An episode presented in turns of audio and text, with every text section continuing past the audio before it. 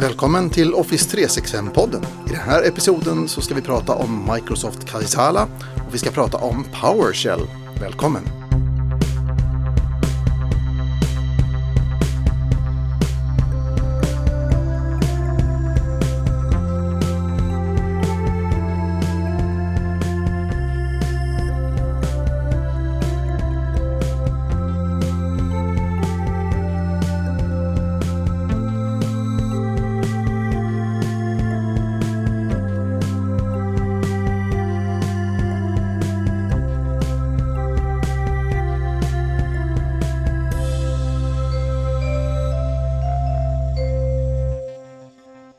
PowerShell för Office 365, kan det vara något?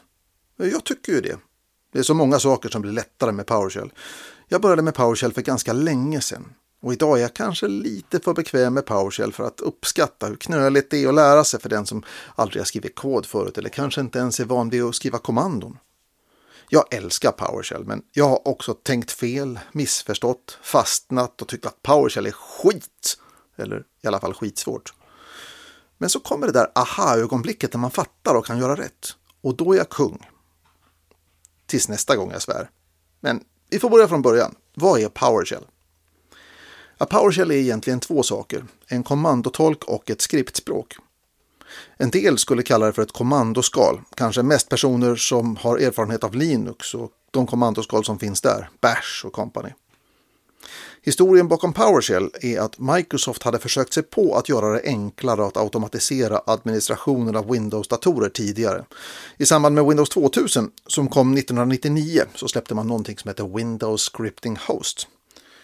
Egentligen så kom det med Windows 95 men eh, det var egentligen i samband med Windows 2000 som den här tekniken blev känd och började användas. Och I Windows Scripting Host så kunde man göra login-skript och startup-skript och egentligen vilken slags skript som helst. För man kunde schemalägga skripten till antingen klockslag eller händelser i systemet. Till Windows Scripting Host så fick man med skriptspråken eh, JScript som var en variant på ECMAScript vilket var den standardiserade varianten av JavaScript och ja, jada jada. Och sen naturligtvis VB-skript som Microsoft har utvecklat själva. Men man kunde installera fler språkstöd som till exempel Perl eller Ruby eller Python eller något sånt där som man redan kunde. Men för Windows administration så blev det här ändå inte riktigt bra. Bland annat på grund av dåligt stöd i de här bakomliggande systemen, de som vi ville automatisera. Man kikade avundsjukt på Unix och Linux där skriptbaserad automation fungerar väldigt bra. Men Linux och Unix Eh, är väldigt textbaserade system där konfigurationen ofta bygger på textfiler som systemen läser in. Så skripten vi skriver för Linux och Unix, eh, de behöver bara vara bra på textmanipulation. Och kommandoskalen för de här miljöerna är väldigt bra på just textmanipulation.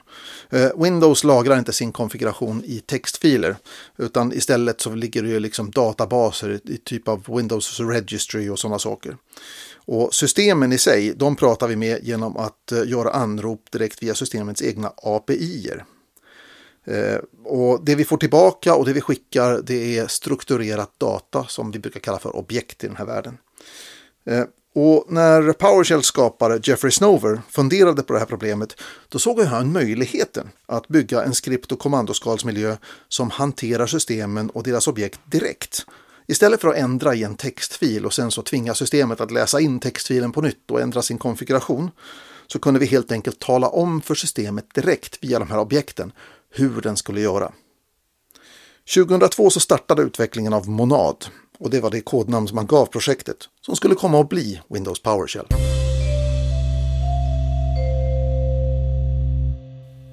2006 så blev Windows PowerShell en officiell och supportad del av Windows och utvecklingen har gått jättefort. Eh, version 2, 3, 4 och 5 kom i ganska snabb följd. Och 2016, tio år efter första versionen, så kom ett mindre bombnedslag. Microsoft har under dess vd Satya Nadella nästan helt bytt skepnad.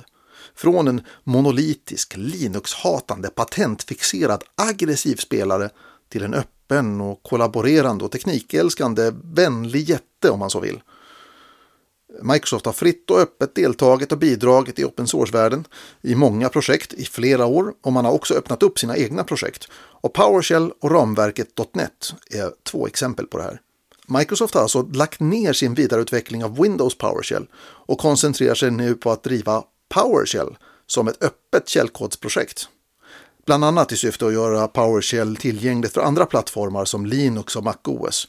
Det vill säga jag ska kunna använda Linux och MacOS i min Windows-administration. Det vill säga jag ska kunna skriva och, och eh, köra skript i min Mac och eh, kunna få den att manipulera Windows-system som ligger någonstans annars. Men också att jag ska kunna använda mig av samma skript för att konfigurera Windows-datorer och Linux-datorer och Mac-datorer och så vidare. Och eftersom PowerShell arbetar mot ramverket .NET så är det ju rimligt att också ramverket har blivit ett öppet källkodsprojekt. Den här utvecklingen är intressant i strategisk synvinkel för nu finns det många plattformar där PowerShell kan användas för att automatisera saker.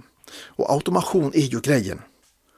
Jag hade problem i början med att fatta det som kallas för DevOps. DevOps innebär att vi hanterar allt som om det var kod. Vi skapar datorer med kod, vi installerar tjänster med kod och vi konfigurerar och kontrollerar systemen med kod. Det finns naturligtvis riktig fysisk hårdvara i bakändan, men allt annat hanterar vi som kod och tekniken som gör det möjligt är naturligtvis virtualisering. När jag ska installera en tjänst så sätter jag ofta upp en dedikerad server för tjänsten. Och det gör jag med PowerShell. Jag beskriver hur systemet ska vara konfigurerat med hjälp av PowerShell och vill jag ändra något i ett system så ändrar jag i min kod och sen så sätter jag upp en ny server och tar bort den gamla. Frasen som fick mig att förstå tanken med DevOps var den kanske inte helt politiskt korrekta frasen Servers are not pets, they're cattle. We raise them, we kill them, we raise new ones.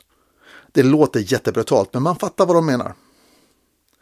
Så nu vet du grejen med PowerShell. Och när man väl kan lite PowerShell, då vill man gärna använda det överallt. Även för administrationen av Office 365. Och det gör jag. Men är det inte krångligt att skriva ett skript, testa, upptäcka problem, rätta, testa, upptäcka nya problem, rätta, testa och så vidare tills man får det att funka? Om man bara kan öppna sin webbläsare och klicka på en knapp i Office 365 Admin Center och så funkar det den vägen. Alltså, det är krångligt att skripta och det är svårt att se nyttan i början. Men grejen med automation är att det alltid gör saker på samma sätt. Vi blir konsekventa. Om jag ber dig att manuellt installera en enkel programvara, till exempel WinZip, på 100 datorer, hur många av installationerna blir identiska? Och om jag ber dig skapa 20 team i Teams med enbart namnet som skiljer dem, med kanaler och allt i övrigt då, hur många blir identiska? Men om du inte gör det manuellt, utan med hjälp av ett skript som läser en lista med namn och skapar upp dina team, ja, nu blir de identiska. Inte riktigt allt, men nästan all administration av Office 365 kan göras med PowerShell. Microsoft har släppt PowerShell-moduler för Azure AD, SharePoint, Teams, Exchange och så vidare. Och det gör nästan hela ekosystemet runt Office 365 också. Och med ekosystem så menar jag alla fristående personer och företag som skapar tjänster och produkter runt Office 365. Så jag tycker att det är ganska klokt att investera i din kunskap i PowerShell. När du tar dina första steg så behöver du ha hjälp av någon. Så gå en kurs eller skaffa en mentor eller någon som du kan fråga. En bok är bra och det finns många tutorials på nätet men du behöver ha någon att fråga. Någon som kan titta på din kod och förstå din tankevurpa när du har kört fast. Jag har hållit på med PowerShell i många år nu och jag gör fortfarande tankevurpor. Men jag gör nya tankevurpor. Kom ihåg, att trilla är en obligatorisk del i att lära sig att gå. Lycka till!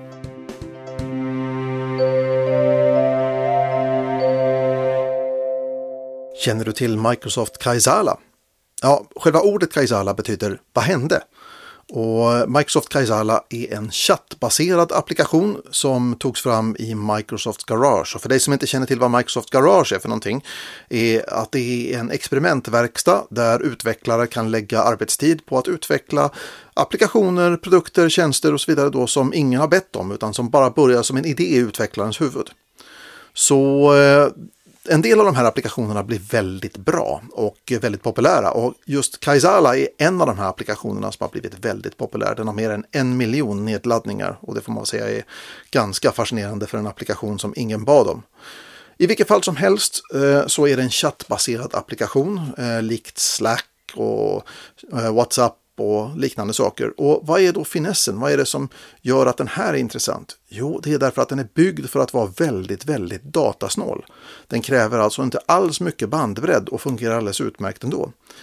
Eh, och till det här så har Microsoft utöver själva textkommunikationen så har man då lagt till möjligheter, det som man kallar för actions. Jag kan eh, dela foton, jag kan dela eh, min position, jag kan skicka ut frågeformulär, jag kan ha checklistor etc.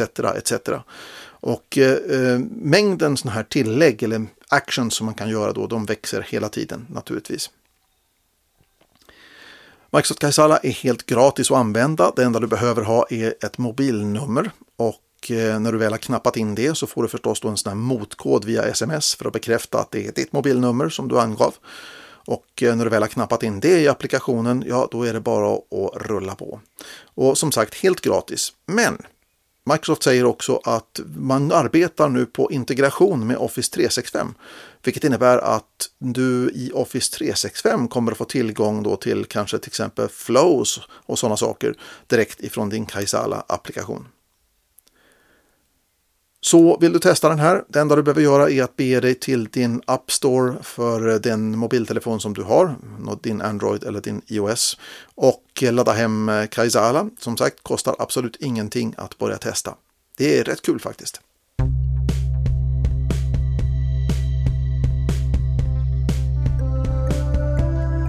Och det var allt för den här episoden. Nu tar jag lite sommarlov. Jag tar semester kanske ett par, tre veckor eller så. Och sen så kommer jag tillbaka med en ny upplaga av Office 365-podden. Tack så jättemycket för att du lyssnar. Ha en riktigt fin sommar.